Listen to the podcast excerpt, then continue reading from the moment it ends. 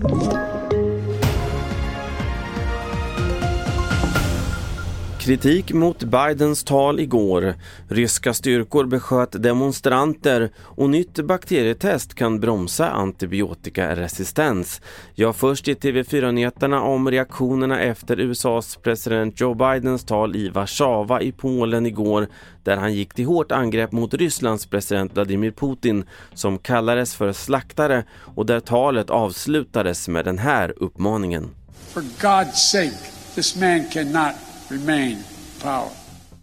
Det här har idag mött kritik från både Kreml och Frankrikes president Emmanuel Macron. Och Vita huset sa under dagen att det med makten syftades på Putins makt över andra länder och inget annat. Mer om kriget i Ukraina.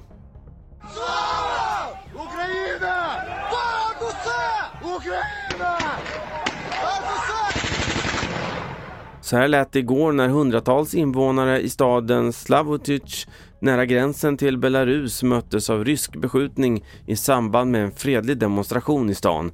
Bilderna på händelsen sprids nu via sociala medier och så här säger vår utrikesreporter Johan Fredriksson.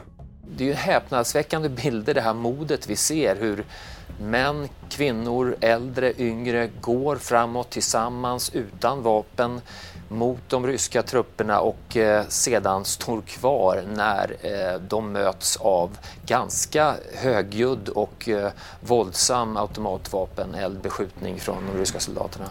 Och bilderna till det här ser du på tv4.se. Sist om att forskare på Chalmers har utvecklat ett smart test för bakterier som innebär snabbare svar på vilken bakterie som drabbat patienten. Det här gör det lättare att sätta in rätt typ av antibiotika som bara dödar just den bakterien vilket minskar utvecklingen av antibiotikaresistens. Det här är en bättre behandling, säger Alexandra Gillberg, biomedicinsk analytiker på Sahlgrenska sjukhuset.